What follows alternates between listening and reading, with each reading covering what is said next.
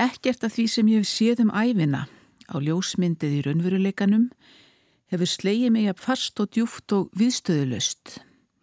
Síðan þá finnst mér ekkert eðlilegra en að skipta lífi mín í tvent. Áður en ég sá þessar myndir, ég var 12 ára og eftir að ég sá þær. Þótt mörg ár hafi liðið þar til mér var fyllilega ljóst hvað er síndu.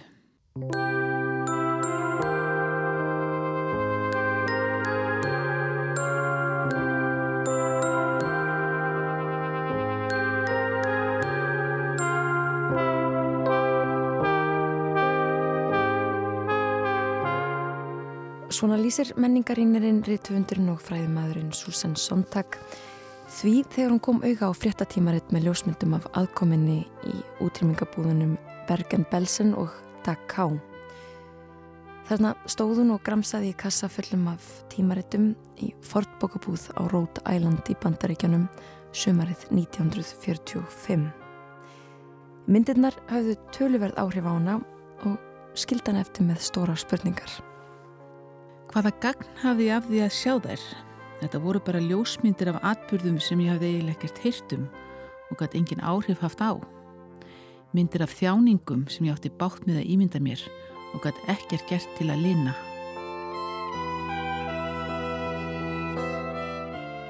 Auðvitað þútt að fólk hafi kannski viss vitað af því sem að gerðist í fangabúðunum og það voru margir búin að koma fram og skrifa um það sem var að gerast en þegar að fólk stóð bara augliti til auglitis frammi fyrir þessum hræðilugum myndum að uh, það vakti það náttúrulega upp uh, óbóslega sterk tilfengaleg viðbráð og uh, myndir, bæði ljósmyndir og kveikmyndir voru til dæmis notaður og settar fram sem sönnunar uh, gildi eða að þessar myndir hefðu ákveðin á sönnunar byrði í, í Nunberg réttaraldunum Walter Funk imprisonment for life. Fritz Sauer, death by hanging. Ernst Kaltenbrunner, death by hanging. Alfred Rosenberg, death by hanging. Love me, love me, love me, say you do.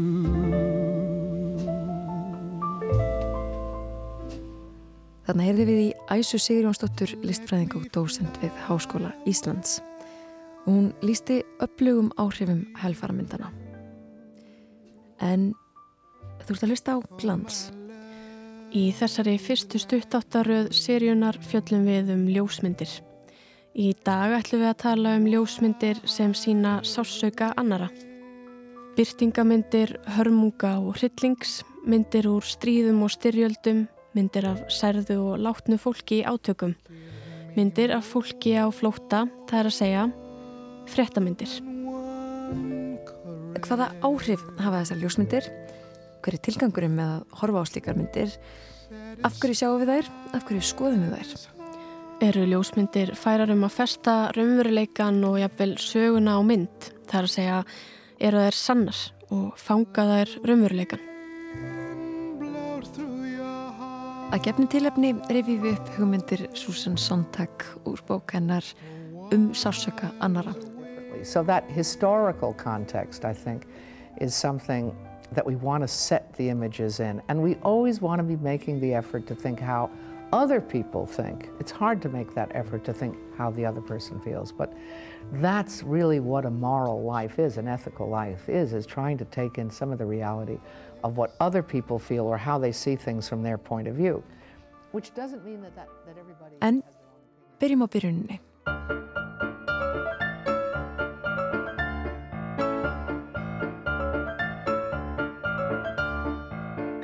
Með tilkomu ljósmyndatækninar skömmu fyrir miðbygg 19. aldar sem og nýjungum í prenttækni og dagblaða útgáfu fór frettaljósmyndun sem starfskrein að mótast. Það er erfitt að segja til um það hvenar nákvæmlega fyrsta ljósmyndin byrtist í prentuðu miðli þar sem það veldur einni á því hvernig ljósmyndin var prentuð. Fyrsta ljósmyndin sem nótu var í dagblaðskrein er ljósmynd frá júnibildingunni í París árið 1848. Þetta er ljósmynd af götunni Sant Mór. Hún var tekin einhver tíman á þeim fjórum dögum í júni þegar nokkur þúsund manns úr rauðum uppreysnamanna og hers týndu lífi í borginni. Myndin sínir niður nýslu eftir augljós og mikil átök. Hún var byrt í franska dagblæðinu L'Illustration en þó enn greift. Það er að segja, hún var ekki prentuð beint og kannski má segja ristuð. Með röstun eða heftón færðist byrting fréttaljósmyndar síðan í aukana næstu áratvíi aldarinnar.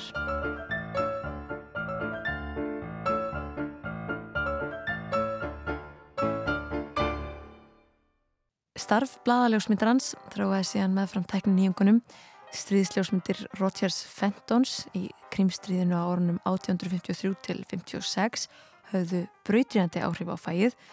Fyrstum sinn er blaðamyndir voru af skortum skamti verðist hlutverk þeirra fyrst og fremst að verða að styðja og auka við textafréttarinnar en með tíð og tíma þróðust þær yfir í að verða miðl í sjálfu sér. Það er að segja heimildaljósmyndir sem að krefist ekki orða í frásóksinni. Breski blaðljósmyndarinn John Thompson gegnir veigamökli hlutverki í þeirri þróun en á 8. áratug 19. aldar gaf hann út mánaðarlegt tímaritt sem kallaðist Götulíf í London eða Street Life in London. Þar byrst hann heimildiljósmyndir af venjubundu hverstagslífi á götum Lundunumborgar. Allar götur síðan hefur fjöldin allir af áhrifaríkum fréttamyndum bæst í sapnið. Æsa talar við okkur um þær ljósmyndir sem hafa verið taldar áhrifaríkastars áhrifumestu fröttaljósmyndunar og 20. aldi er í flestum tilvikum taldar þar myndir sem voru teknar í Vietnamstríðinu.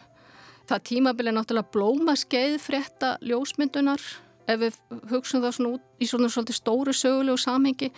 Ég hef nú skrifað um mynd eh, sem að um, ljósmyndarinn Nick Ut tók uh, í Vietnam árið 1972 og, og hefur oft verið talin áhrifamesta frettaljósmynd 2000 eh, aldarinnar, hún hérna er svona í daglegu tali köllu Napalm stúlkan og hún sýnir sem sagt börn að flóta úr brennandi þorpi og þau koma hlaupandi niður þjóðvegin þarna út úr þorpinu og við rauninni í fangið á frettamennum. Það sem er svo stert við þessa mynd er það að eh, stúlkan, litla stúlkan sem er í miðjumyndarinnar er að hún er nakin og hún hérna hleypur á móti áharfandanum í rauninu, hún náttúrulega náttúrulega hleypur í fangið á hannum og það er mikil örvænting og mikil sársöki í þessari mynd. Af hverju er þessi mynd oft talin áhrifamesta frettaljósmyndin vegna þess að hún vakti náttúrulega upp alveg gifileg viðbröð. Hún síndi mjög hráan raunveruleika, hún síndi það að, að það voru ekki bara hermenn sem voru að falla eða þjást heldur voru það líka almenni borgarar og það voru líka börn.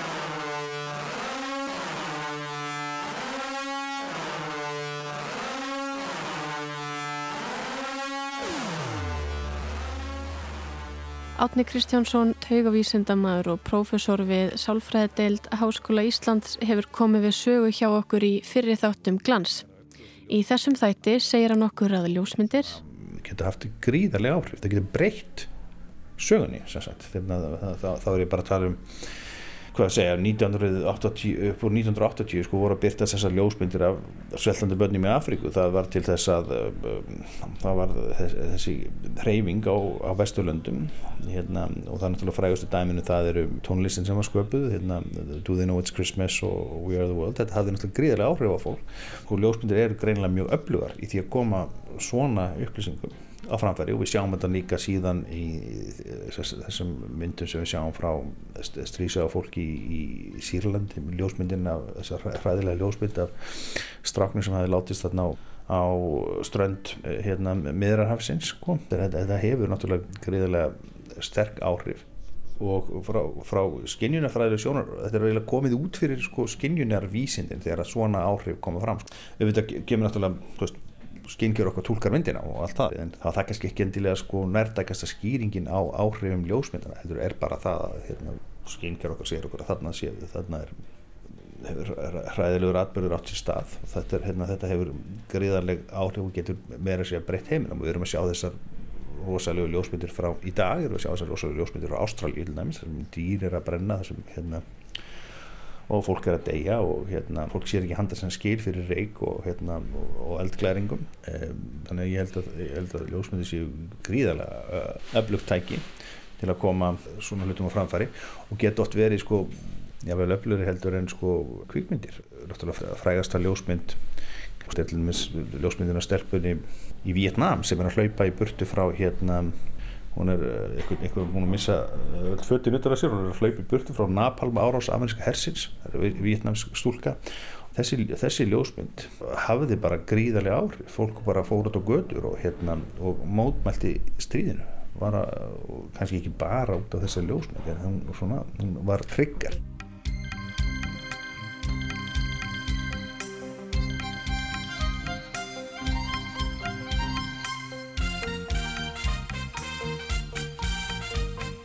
Ímislegt hefur verið sagt um sannleikskildi ljósmynda. Myndavillin er auga mannkynsugunar. Ljósmyndir eru óheflaðar staðrindir sem beintir að auganu. Ljósmyndir fullir það að þær síni nákvæmlega það sem er anspænis linsu myndavillunar. Þeim er ætlað að sína það sem fyrir augu ber. Því geta til dæmis talist gild sönnunagögn í réttarhöldum eins og æsa benti hér á fyrir í þættinum. Sondag skrifar í bóksinni um sásöka annara Kostir hlutlegninar voru innbyggðir í ljósmyndir. Í ljósmyndum var veruleikin skrásettur óvífengjanlega með þeim hætti að engin frásögn, sama hversu óvílhöllum var, gætt gert þið sama. Þar sem það var vél sem sá um skrásetninguna og þær voru til vittnis um veruleikan. Eða hvað? Hvert er sannleikskildi slíkra mynda?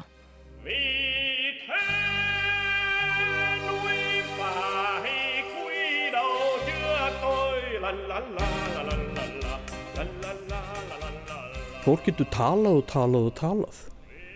En það að sjá myndina það setur hlutina í samhengi annað samhengi og skýrir það sem að fólk kannski jafnverð þó að sé velsagt frá.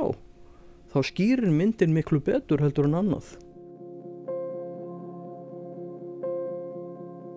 Þetta segir Inga Lára Baldvinsdóttir sviðstjóri ljósmyndadeildar þjóðminnesafn Íslands og eftir að hafa varið heilmiklum tíma innan um þær 6,5 miljónir ljósmynda sem gemdar eru í ljósmyndasafni Íslands þar sem hún hefur starfað í áratvíi hefur hún heldur betur ímislegt til málana að leggja um þetta fyrsta efni sem glans tekur fyrir, ljósmyndir. Ljósmynd er svo áhugast fyrir bæri því þetta er eitt augnablík sem er horfið að eilífi um leiður búin að taka myndina. Hversu mikill raunveruleiki og sannleikur er í einni ljósmynd að þínum að þið? Ég held að það sé náttúrulega mikill sannleikur í hverju ljósmynd. Ég menna, ef það er myndir af fólki þá er það myndir af fólki sem var til. Og þú sér það náttúrulega nokk hvort að það er það sjálft eða hvort að það er í einhverju hlutverki. Við erum náttúrulega með fullt af leikaramyndum líka skilunum en, en, en auðvitað er sannleikur í myndum, þú sér náttúrulega hvernig húsakostur var, hvernig umgjörðin var hjá fólki, hvernig umbúnaður var hvernig fólk bjó og klætti sig. Og þú veist, þú eru náttúrulega kunna að lesa. Það er eiginlega, það steitir á því að fólk er ekki alltaf læst. Þegar þú segir kunna að lesa, erstu að tala um að, að, að lesa myndmálið, le, lesa myndmálið ég menna þú veist, það kemur uh, þú eru að geta sagt. Hvernig lærir maður að lesa myndmálið? Það með því að horfa svolítið mikið á myndir. Ég menna það kemur maður og hann heldur að hann geti alveg bara verulega skáka mér og sína mig mynd af Torbæ og hann er sjálfur fyrir utan Torbærin og hann segir við mig hvernig heldur þetta sé tekið? Og ég menna ég er búin að sjá svo mikið af myndum að þú veist ég get sagt við hann þessi myndir tekins kannski rétt upp á 50 en hann held að ég myndi upplifa það sem eitthvað allt annað. Ég horfi bara á föting hvernig fólk er klætt og, og annað slíkt skiluru. En að þú færða ákveðna tilfinningu fyrir, þú er náttúrulega að vera læs á tíman, þú veist gömulmynd og gömulmynd. Mm -hmm. Fólk er að byrta myndir sem eru, sagðar kannski teknar 1970 en allir sem að lifðu 1970 sjá að þetta er um 1960 mm. og ég menna alveg að sama hátt þá verður náttúrulega sem sagt setni kynsluður, ég menna það er ekki þetta að ljúa þegar einhver mennsi tekinn 2000 þegar hún er tekinn 1980 fólk þekkir sinn tíma uh mhm. -huh. en svo getur þú lært að þekkja aðra tíma og þú getur lært að lesa myndir auðvitað er hægt að falsa alls konar myndir það hefur komið hérna fólk sem hefur verið að leita myndum af því að það á bara helmingin af myndinni mm. Já, það er að leita mynd af, af fjölskyldu sinni vegna þess að það hefur aldrei séð hinn helmingin ég menna hann hefur verið kliftur burt. Já. Já, ég menna það er alveg til sjólaðis fjölskyldumindir að, að hérna að fólk hefur skilið og það hefur hérna valið það í reyði sinni og, og, og hérna afneitun á í rauninni veruleikanum að klippa burt kannski makan, föður barnana og þá er fólk komið hérna með halva mynd og sagt haldi þið að þið eigi þessa mynd? Og þá er það að leita að föður sínum eða að því að eiga myndina heila. Þannig að auðvitað, þú veist, er þetta að gera alls konar hluti og ég menna við erum búin að sjá þúsund dæmi um hvernig þeir í Sovjet skáru trotski burt og skáru þennan burt og þá sem ekki voru þægðina á hverjum tíma. En þetta er náttúrulega ekki svona við erum þó að það sé ekki allt við séum ekki alveg saklusuð uppmálað Íslendingar að þá er held ég svona, svona frekar saklust allt í þessu, þessu myndheimi hérna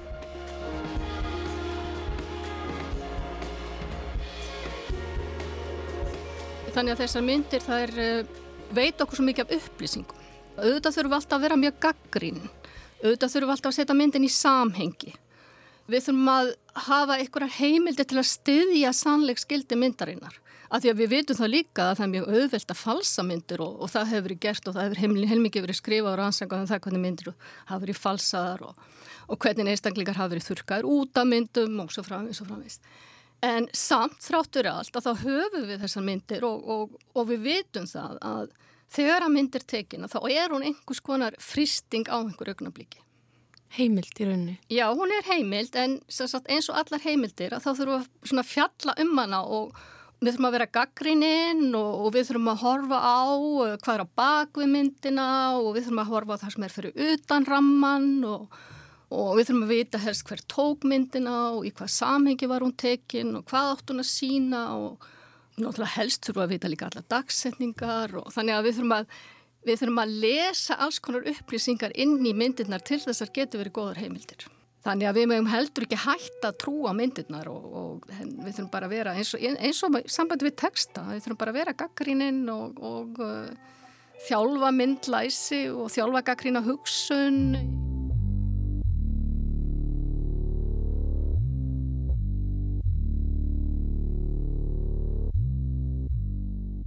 eru myndir farnar að hafa meiri þýðingu í daglegu lífi okkar og jáfnvel samanbórið við til dæmis texta? Uh, ég get eiginlega ekki dæmt um það. Sko, texti hefur gríðalega áhrif ennþá og, og þá vil ég aftur bara nefna slagverðin me too. Þar, þar er það textin sem að, sem að hérna. Þannig en það virðast sagt, vera mótast einhvers konar svona kannski ný tengsla millir mynd og texta og textin hann skiptir líka gíflegu máli í netmiðlum mm -hmm.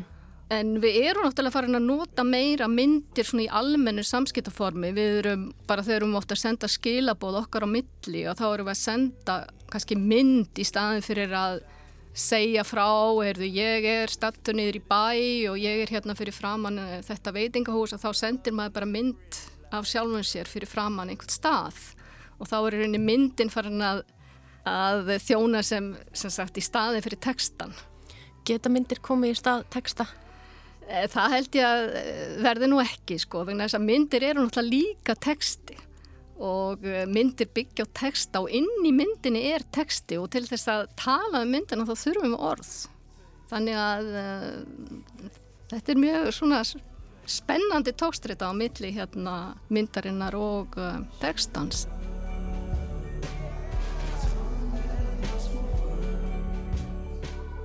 Bergur Ebbi Benediktsson rítuhundur tekur í svipanstreng og æsa. Við notum myndir mjög mikið í dag og út af því að það er kalla fram hraðari viðbröð og þetta er eitt af því sem eh, búist útara í samfélagsmeilum og eins og við þekkjum bara af hverju allt er komið í, í steik með frettamiljun og fleira að veist, þetta er bara fyrirsögn og mynd og, og bara þetta, þetta fólk kannski er síður að lesa í, í texta en nákvæmlega eins og, eins og myndir geta skapað sterkari hughrif þá geta þau sagt, þú getur nelt hugmynd rosalega vel með mynd en þú getur líka nelt naglanum algjörlega vittlust inn með mynd. Á meðan texti fyrirgefur meira uh, eru ólíklegri að negla hlutina alveg kaf negla þá en er líklegri að, að vera svona uh, oft er þetta er ástæðan fyrir því að það er líklegra að þessi komist að sangjandri miðustuðu að, í miðlun hugmynda á milli tvekja vitunda að þetta er, þetta er raunverulega hérna aktuelt umfjöndarrefni vanandi að okkur lög eru alltaf skrifuð sagt, með texta. Nokkur neginn alltaf, við náttúrulega með umfyrraskildu og fleira sem alls konar lagareglur og fleira tjá með myndir ánum hætti. En ég veit að mjög margir hafa spurt sig að þessu af hverju er lagateksti alltaf af hverju er alltaf texti? Og það er þetta að útskýra bara rosalega bara, bara 20 blaðsjur að bara vera með eina góða skýringamind það var mjög margi bent á svona fólk sem er svona hugsa meira svona kannski út frá hönnun og, og fleira og það sé svona nútímulega meira móten, ekki vera meira texta hann er gamaldags og hann er svona partur af einhverju elítu hugmyndu það bara sumir getur rindt í textan og svo framvegis og meðan myndirnar eru meira fyrir almenning og fjöldan og svo leiðis en ég held að það er raunverulega og ríkulega ástæða fyrir því að, að texti hefur ofta geima svona mikilvægastu lagabóðin og, og þess aftar í þjóðfélaginu og við erum svolítið svona, við lifum svolítið á tímum þar sem að við höfum mjög mikla oftrú kannski á myndinni og erum alltaf kannski að fara að reyka okkur alltaf á það að við munum aldrei komast yfir það að þurfa að útskýra er hugmyndir með texta eða tali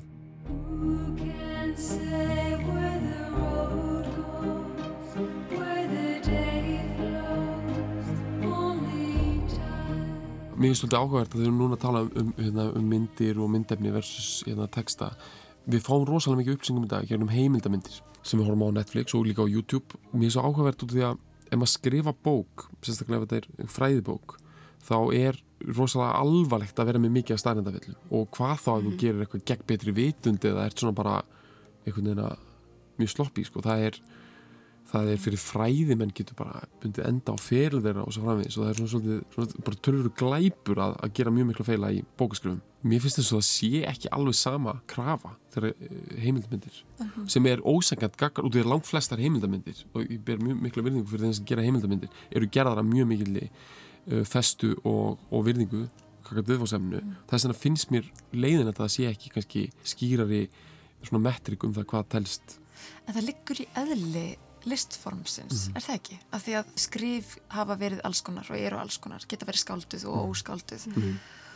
á meðan að ljósmyndin hefur allavega lengst af verið raunverulegi, eða okkur hefur verið talið trúum það. Þetta er náttúrulega fyrir með okkur ótrúlega áhæfra slóðir með hérna, þessi deepfake-vídeó Já, mynd, myndunsluna Við erum búin að vera, við erum búin að upplifa sko tíma það sem að þetta er að photoshopa myndir og fleira nokkur neginn allan okkar líftíma og einu svona orðin nokkuð vön því en nú erum við komin í einan veruleika það sem að það sem er vídeo sem okkur fundist ekki verið hægt að feika bara ef þetta næstu mm -hmm. vídeo þá er það raunveruleikin þess að hafa vídeo verið rosalega afhjúbandi og fólk hefur yfirlt ekki haft neyn sérstök svör eftir að vídeo byrtist það hefur verið svolítið svona mm -hmm. loka e, naglin í líkistuna í, bara hér er sannunin já, mm -hmm.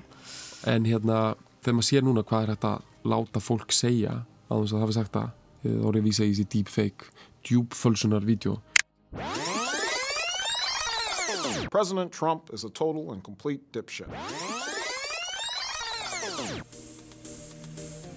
Á myndbandinu sem fylgir þessari fleigu setningu má sjá Barack Obama, fyrfirandi fórseta bandaríkjana, fara frekar ófögurum orðum um núverandi bandaríkjafórseta Donald Trump. Fyrir utan orðin sjálf verðist í raun ekkert vera aðtugavert í sjálfu sér við þetta myndband, yngar viðvörunabjöllur sem fara stað. Eins vegar ef vel er að gáð heyra glöggir hlustendur að þetta er djúbfölsunarvídeó eða svo kallar deepfakes með rúmlega 50 klukkustunda vinnu og aðstóð snjálfsíma og myndvislu fór þetta tókst myndbandsmiðunum að láta Obama segja hvað eina sem þeim listi. President Trump is a total and complete dipshit. Eins og Hafstein Viljámsson orðaði það í þættið sínum verksmiðjan Þá er djúpfölsun náð fram með því að taka þúsundur mynda og setja inn í tölvukerfi. Tölvukerfið nýtir sér síðan gerfigreind til þess að skeita myndunum á nær hvað sem er. Það þýðir að til dæmis er ekkert að láta Barack Obama eða hvaða þjóðhauðingja sem er, jáfnveil fræga leikara, söngvara, stjórnmálamenn og aðra, segja nánast hvað sem er. Það gefið því auga leið að þetta opnar á ýmsar hættur. Now you know you need to launder your money. Right? Your casino go to the owner and his smoking hot wife. Huge mistake. Æ, erfiðar að verður að sjá munin á fölsuðu myndskeiði og ekta eftir því sem tækninni flegir fram. Á sama tíma verður æ einfaldara og fljótleira að falsa myndskeið. Svokölluð djúb fölsun á ennsku deepfake er nú orðin möguleg fyrir almenna snjálfsímanotendur. Reyndar einungis í Kína en í síðustu viku kom þar út djúbfölsunar appið Zhao. Notandin hleðurinn mynd af sér og nokkrum sekundum síðar er hann til dæmis orðin persóna í Game of Thrones. Í rauninni var þessi tækni þróuð uh, á sínum tíma af einhverjum einstaklega út í Ameríku í rauninni fyrir að setja myndir eða andlit af uh, frægum leikonum á uh, konur í, í klámyndum. Þór segir að eins og tæknin er í dag sé þó hægt að sjá munin á fölsuðu myndskiði og ekta. En þetta er alltaf að vera betra og betra og það er bara tímaspursmál hvenar þetta verður það gott að við getum í rauninni ekki sé hvað er feik og hvað ekki. Ég er ekkert vola bjart um að þetta er eitthvað sem við getum þannig sér spórnu við þannig að í rauninni þarf bara raukvöksun að vera nummer 1, 2 og 3 myndi ég segja en, en þá aftur getur þetta orðið þann til þess að maður efast um allt sem maður sér. Það getur alltaf haft þá líka þau áhrif að það sem maður er satt og rétt að því sé ekki heldur trúið. Já, nákvæmlega.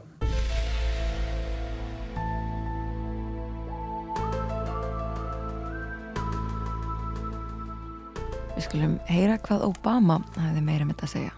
This is a dangerous time.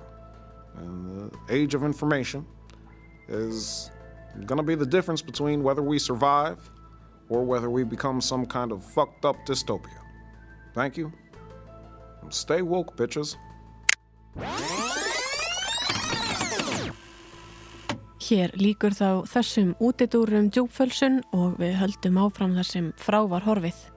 En hérna, þegar maður sér núna hvað er þetta láta fólk segja á þess að það hefði sagt að er ég að vísa í þessi deepfake djúbfölsunar vídeo þá náttúrulega byrja það bara að vera málsvöld og þá er ég að hugsa bara út frá lögfræðanum fórstum þá munir bara lögminn byrja að segja við getum ekki út til okkar það með vissu þetta sé ekki djúbfalsað vídeo. Og á einhverjum tímanbúndi þá byrjar það að vera raunveruleg málsvöld og það breytir rosalega miklu. Þá, þá fyrst verða hugmyndir um afstæði sannleikans þegar kemur að svona fjölmiðlun og miðlun þá fyrst byrja það að ná, ná tökum á samfélagi okkar. Og það mun gera. Ég held að það sé bara alveg pottitt mm, og nýjar kynnslóður munu ekki upplifa það að eitthvað sé skrifað með myndum og fleira og sett fram með fyrirsögn sem einhvern sannleik. Mm. eins og við erum ennþá, okkur finnst það ennþá. Okkur mm. finnst ennþá eins og byrju, einhver hafði fyrir því að setja niðurtekstan, setja mynd við, búið til fyrirsögn ég sko þá þá er þetta satt þanga til eitthvað annað kemur í ljós. Ég held bara eftir eina kynsluðu viðbót þá verði það ekki einu svona hugsunni og það má velta því það upp sko, er það jákvætt eða neikvætt? Ég, ég veit það ekki, svo sem. Kannski er fínt að, að við öllum upp gaggrín í huga. Já, ég held að það sé bara handan góðs og eils, ég held að hérna dýpir gildi mannsandans sem hafa verið varvett í þúsundur ára ég held að þú breytist kannski eitthvað þá sé ykkur dýpir gildi til og við höfum alltaf þurft að leggja mikið á okkur þess að nálgast þau. Og hvort sem það er bara djúb íhugun bara ákveðin samkend, ákveðin stundum við fólk þetta að fara í stríð bara því miður til þess að eh, einhvern veginn átta sig á hvað skiptir máli ég held að það þurfi bara alltaf að hafa rosalega mikið fyrir því að vita hvað er raunveruleg gildi og þegar ég er að vísa til raunverulega gilda hér þá er hvað raunverulega skiptir máli sem er þá endanum sannleikurinn eða svo vegvísir okkar í lífinu og ég held að að 20. öll þá gætt tækni og fjölmiðlun og fleira dugað okkur samt með gríðalegum undirtegningum því að það voru náttúrulega stórkoslar styrjaldir á 2000-öld sem að voru mjög miklu leiti út í því að verða manipulera fjöldan og afvægleðan með einhverju sem átti að vera sannleikur. 2000-öldin var enga veginn einhver þryggjastega hrein karfa eitthvað í þessu. Bara að mörguleiti ættu við að segja skilja við þessa hugmyndum það að við getum öðla sanningan með þessari meðlun hins vegar trú ég enþá á vísindi og ég held að vísindi séu þegar að aðlagast þessum breyta veruleika ég trúi því enþá að það sé bara með ákveðum aga í framsetningu og upplýsingum og gaggrindi hugsunni mitt sem kemur einmitt mjög sterkinn í hugvísindinni sérstaklega, þá trúi ég það enþá að, að með vísindalegri aðferðafræði og bara yfirðari rökræði þá séum við enþá þá getum við enþá nýtt okkur það sem við sjáum á netinu og víðar og ljósmyndir og fleira og, og nokkur neginn verið nær sanninganum mm -hmm. ég er ekki algjörlega búin að kasta andklæðinu inn eitthvað ný, nútíma teknið það sé bara allt orðið afstætt og við séum bara alveg það sé bara svo sem öskri hæst Nei. eða láti, góli mest sko sem að fá alltaf aðteklina ég held að svona einmitt að það sé svona ákveðin hóvar og þólumæði sem að muni sem að muni á endanum leiða í ljósi þessi gildi sem skipta máli mm -hmm. Til þess að eitthvað breytist líka eitthvað sem við viljum að breytist það þarf ofta að, að kallvarpa mm -hmm. gildunum sem áður var við líði mm -hmm. Read the news today oh boy. About a lucky man who made the grade. And though the news was rather sad Öllu er tekið bókstaflegar þegar ljósmyndir eru annars vegar, skrifa Sontak Ljósmyndir eru gerðnan lofaðar sem gagnsæ frásögn af veruleikanum þegar raunin er svo að ljósmyndir hlutgera. Það er umbreyta atburði eða personu í eitthvað sem er hægt að slá ykkur sinni á. Ljósmyndum hættir til að umbreyta hvert sem myndefnið er og sem mynd getur sikva virst fallegt eða skjelvilegt eða óbærilegt eða alveg bærilegt þótt svo sé ekki í raunveruleikanum. Ljósmyndir hafa óhjákvæmilega þá alltaf eitthvað til málana að leggja.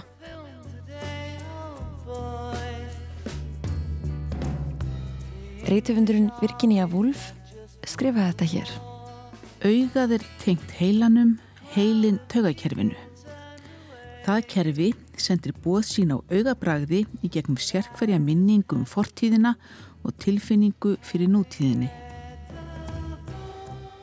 Þessi sjónkverfing gerir ljósmyndum kleift að vera hlutleg skrásetning og personlegur vittnesburður í senn, bæði trúverðug eftirmynd eða afritt augnabliks í raunveruleikanum og tólkun á þessum raunveruleika. Og eins og fram hefur komið, þá veldur sannleikskildi ljósmynda á samingi þeirra. Hver tók myndina, hvernig er ljósmyndin nótuð og hver horfir?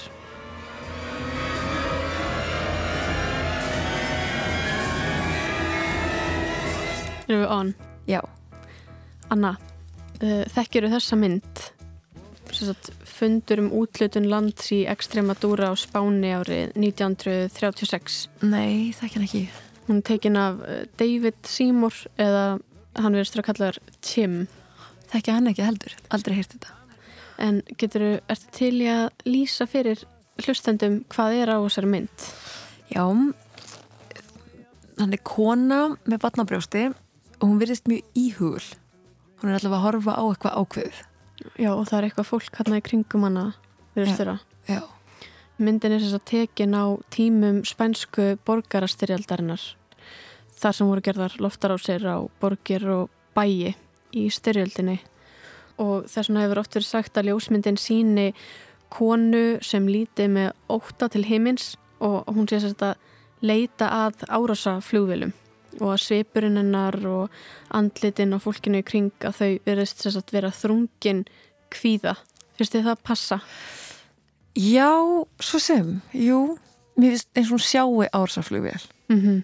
Já, og ég reyndar las í bók Susan Sontag að minnið eða í raun sagt, samfélagslega merking myndarinnar hafi breytt myndinni í samræmi við þarfir minnisins og yfirfærtana í tákgrænt samhengi sem var samt ekki í samhengi við það sem er sagt að myndin síni. Af því að þessi mynd var þess að tekin fjóru mánuðum áður en stríði sjálft hófst. Vó. Þannig að voru okay. yngar loftar svo ferðinni. Mm -hmm. Og svo einhvern veginn hefur, ég veit ekki hvað maður segir, sagt, þessi tólkun verið einhvern veginn lögð á hana eftir á, finnst mér eins og hún sé að meina. Mm -hmm og eh, þessi kona ávist að hafa verið stödd þarna á svona pólitískum útifundi sem var mhm. haldinn þá í aðdraðandastriðsins og hérna Þannig hún er ekkert að horfa á hennar árasar flugvilar Nei, eða svo segir, svo segir Sontak að það bara hafi enginn geta sé fyrir að jáfnvel að það erðu árasar flugvilar á komandi mánuðum á þessum tíma mm. Hún spyr þá, verðist konan sem er að gefa batninu brjóst með niklar, brittnar og pyrð augu og halvópi munn virðist hún ennþá jafn kvíðin á svip svona þegar þessi saga fylgir, fylgir myndinni eða spyr hún er ekki að sjá sem hún pýra augun vegna þess að sólinn skíni í þau mm. Já, ef ég spyr mig þessa spurningar núna Já. vitandi það sem ég veit eða það sem þú veist að segja mér þá breytist þessi svipur algjörlega Já. mér finnst hún ekki kvíðin lengur Nei. sem er rosa skrítið ég gæti tala með trúum og hún væri kvíðin af því ég held að aðstæður myndarinnar væri einhverjar aðrar sem er gefsamlega galið að ég geti búið til eða gert mér í hugalund ákveðna líðan hjá þessari konu. Mm -hmm. og það minnir mig á eitthvað sem að Errol Morris heimildamindagæðamæðurinn uh, fjallar mikið um í sínum fræðum. Hann hefur mikið pælt í sannleikskildi ljósmynda skrifaði heila bók um það, bók sem heitir Believing is Seeing. Þar vil að meina að trú okkar skoðanir reynslega, bara þessir ómeðvituð fordómar, allt þetta innra með okkur allir, allir þessi innri heimur hann ákverði í raun og veru það sem við sjáum úr ljósmynd enn fremur mm. heldur en það sem ljósmyndin sínir okkur sem að mér vist, já, vissulega eiga við hér í þessu tilfelli mm -hmm. allavega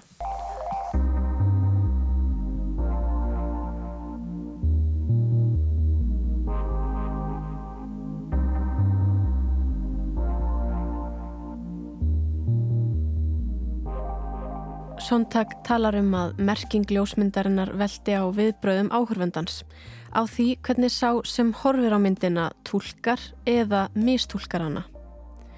Að endingu les maður úr ljósmyndinni þar sem hún ætti að segja manni.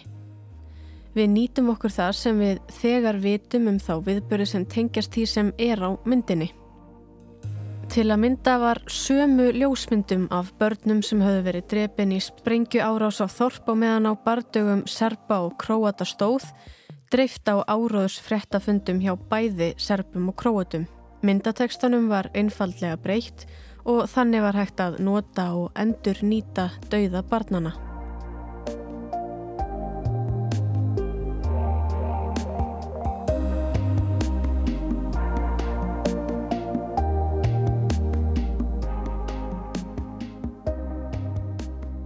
Það eru rannsóknirna salfara sem sína það sko að sínu fólki ljósmynd tveimur mismöndum vanskjum eða hópi af manneskum og það er algjörlega ósamála mánuðið setnum hvað var á þessari ljósmynd. Og við erum líka mjög lítið næm fyrir öllum breytingum í, í hérna á svona ljósmyndum. Og við höldum þegar við horfum á ljósmynd að við tökum eftir sko hérna mjög greinilega eftir því hvað er að, þarna á, á, á ferðinni. En við tökum inn mun minni, minna af upplýsingum heldur, við höldum. Og konan sem stendur hérna með eiginmannsins ef ég, ef ég myndi sína þér og nokkur um öðrum þessa mynd, þá síðan myndi ég prófa okkur viku setna þá getur verið algjör ósamlega það í hvaða, þið munið alveg ljósmyndina en í hvernig, í hvernig var kjólinn hennar á litin. Það er hérna, þið getur hérna sem sagt verið algjörlega ósamlega um um það og þetta sýnir rannsóknir. Þess vegna eru sko ljósmyndir við teljum að það séu árænlega og það er það upp, upp á þessu marki en hérna, þegar fólk er að sjá svona ljósmyndir þá getur tólkun þeirra á þeim sem getur verið mismunandi. Þannig að það að hafa séð ljósmynd það í rauninni segir ekkert endilega að þú hefur tekið inn all smáatriðin hérna.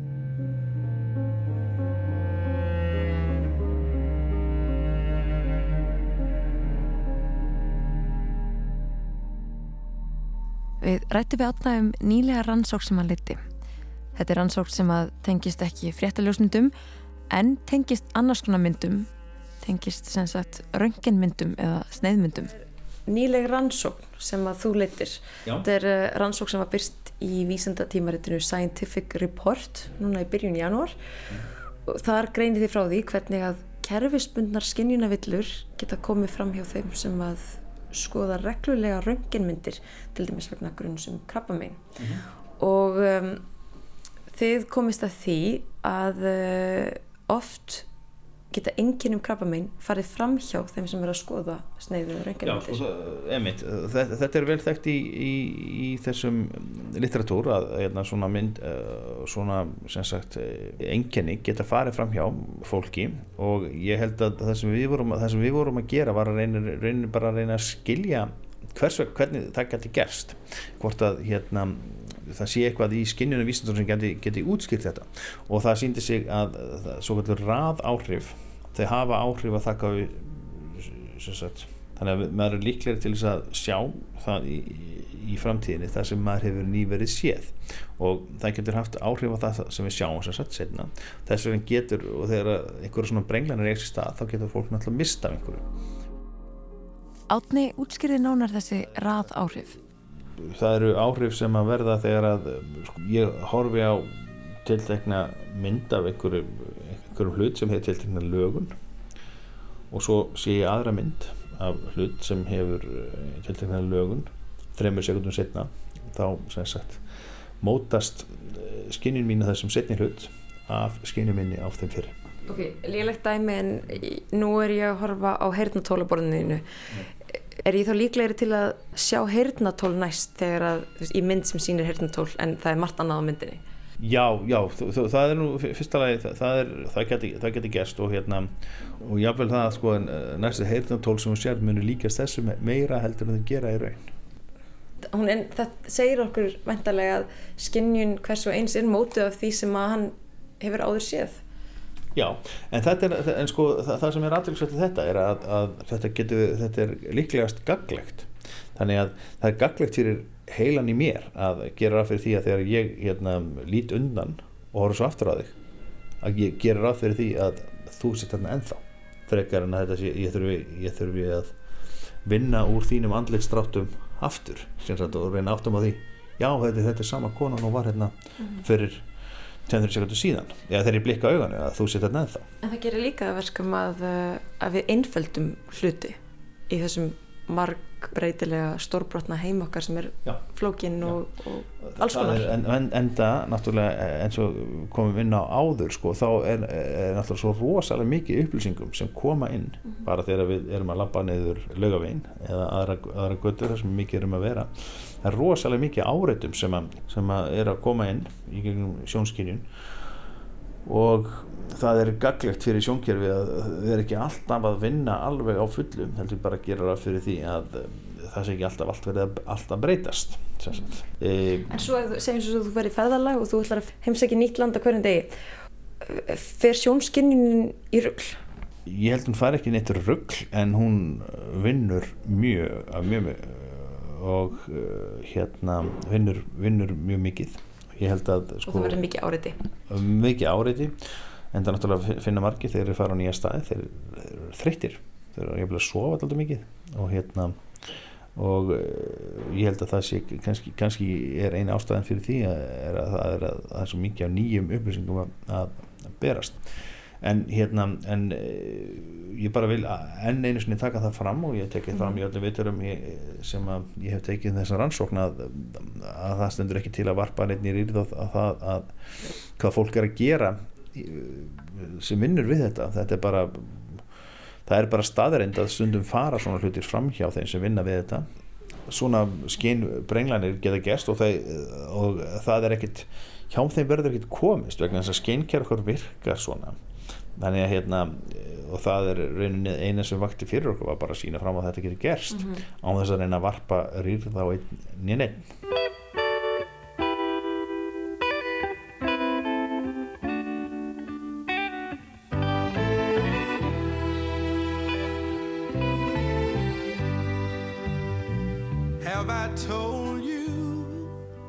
En aftur að fréttaljósmyndum.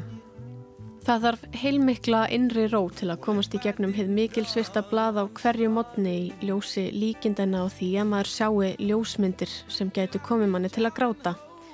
Þetta skrifaði Sondag og átti þar við um tímaritið The New York Times. Nútíma líf samanstendur af því að við erum daglega mötuð af hryllingi eins og norðarða. Það þekki allir sem hafa fletti gegnum dagblæðið að horta á fréttir. En hver er raunar tilgangurinn með þessum myndbyrtingum af sásauka annara? Akkur eru við að sjá þessa myndir?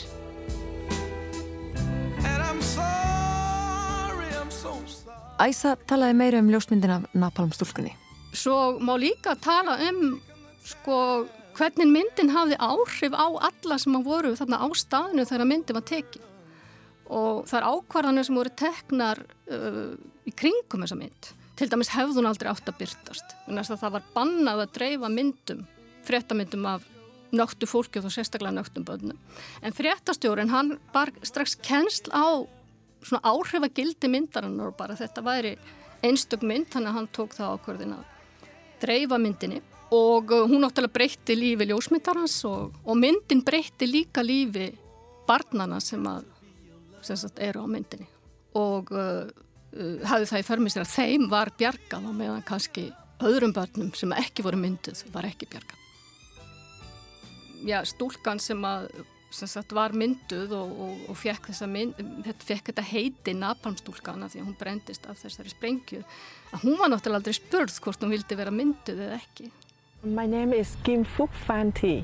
People doesn't know my name but they know about the name Napalm Girl, the girl in the picture. Everybody knows that.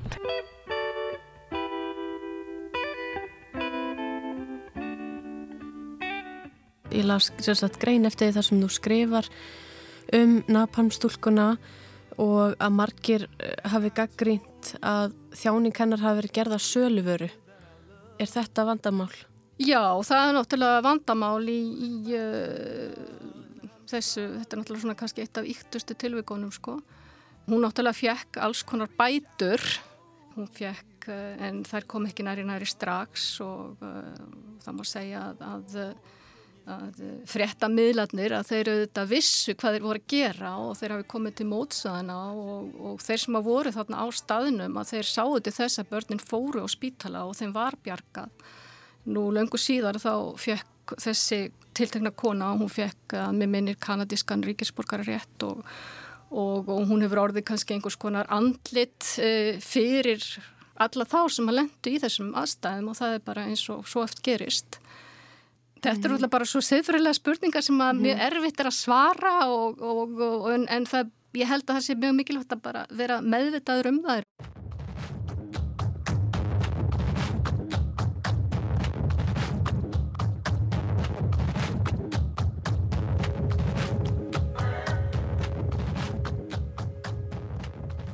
Kannski svona meira í þessum dúr uh, er eitthvað til sem heitir óviðeigandi mynd? Já, og þá þurfum við náttúrulega að spyrja óviðandi fyrir hvern? Er hún óviðandi fyrir þann sem að, uh, er á myndinni? Það er kannski fyrsta spurningin. Uh, vildi hann láta mynda sig svona?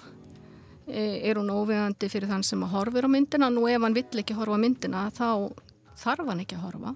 Fólk er sjálfnast pínt til að horfa á myndir. Auðvitað er fullt af myndin sem eru mjög óviðandi og, og og ég held að eh, eigum við að taka eitthvað dæmi að þá eru það náttúrulega myndirna sem voru teknar í fóngilsuna að búgræp sem að eru kannski svona með þeim óþægilegustu myndum sem að hafa verið teknar og byrtar og drift svona á eh, síðustu áratugum. Geta svona óþægilega myndir samt átt erindi við samfélagið? Já, það er myndir áttu þar erindi við samfélagi. Það er kannski síndu að, uh, að það voru hræðilegi hlutir að gerast þarna inn í þessum fangilsum og uh, þannig að þýleiti má segja það að það hafi, já, haft, mm -hmm. haft nátt allavega hafði mjög mikil áhrif. Svo þeim myndum þá náttúrulega verður verið að brjóta lög og það verður verið að niðurlæja einstaklinga og þarna verður verið að sína pyntingar Þannig ég held að út frá okkar siðferðilega sjónamiða þá hafi þær myndir verið myndir sem að í fyrstulega engin, ég meina það sem var að gerast þarna var hræðilegt og, og uh, kannski má segja það að það hefði vakið einhverja til vitundar um það sem var að gerast, ég veit það ekki. Sondag setur fram ymsar tilgátur um það hvaða tilgangi myndbyrtingar af sásöka annara geti þjónað. Þar getur þá meðal annars aukið á skilning okkar, vakið okkur til umhugsunar, frætt okkur, skrásett og staðfest söguna. En hvað er hægt að gera við þá vittneskju sem ljósmyndir fær okkur um þjáningar í óra fjarlægð? Gerir oflæði mynda sem sína grimdarverk okkur dofin, telli okkur trúum að ekkert því raun hægt að gera. Þetta sé jafnvel vonlust. Heimurinn er bara svona. Og jú, Þær geta vissulega vakið hjá okkur samúð en getur svo samúð orðið til þess að við sem saklaus erum frýjum okkur ábyrð. Svo framarlega sem við finnum til samúðar finnust okkur við ekki eiga neina sög á því sem olli þjáningunum. Samúðin geti því verið merkingalauðs eða vestlast upp jafn harðan og hún kom. Eða verða þið kannski freka til þess að við horfumst í augu við aðstöður? Geta þær hvart okkur til þess að bregast við, ítt á eftir pólitískri íhlutun til dæmis, eða kannski bara allt annað á milli?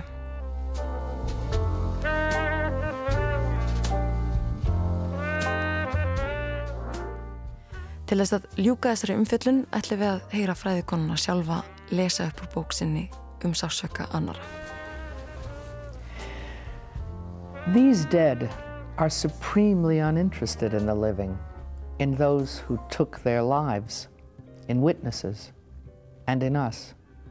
Why should they seek our gaze? Að afmarka og staðsetja helvíti segir okkur vitaskuld ekkert um það hvernig ná megi fólki úr því helviti, hvernig draga megi úr vítislógunum. Egi að síður vilist í sjálfu sér gott að viðurkenna og vika út skilningsin á því hver miklar þjáningar að völdum mannvonskur að finna í þessari veröld sem við deilum með öðru fólki. Nú á dögum er til gríðalegt magnaf myndum af þessu tægi, jafnvel þótt þessu aðeins tákn og geti ómögulega innihaldið allan þann raunveruleika sem þær vísa til, þá gegna þær eiga síður brínu hlutverki.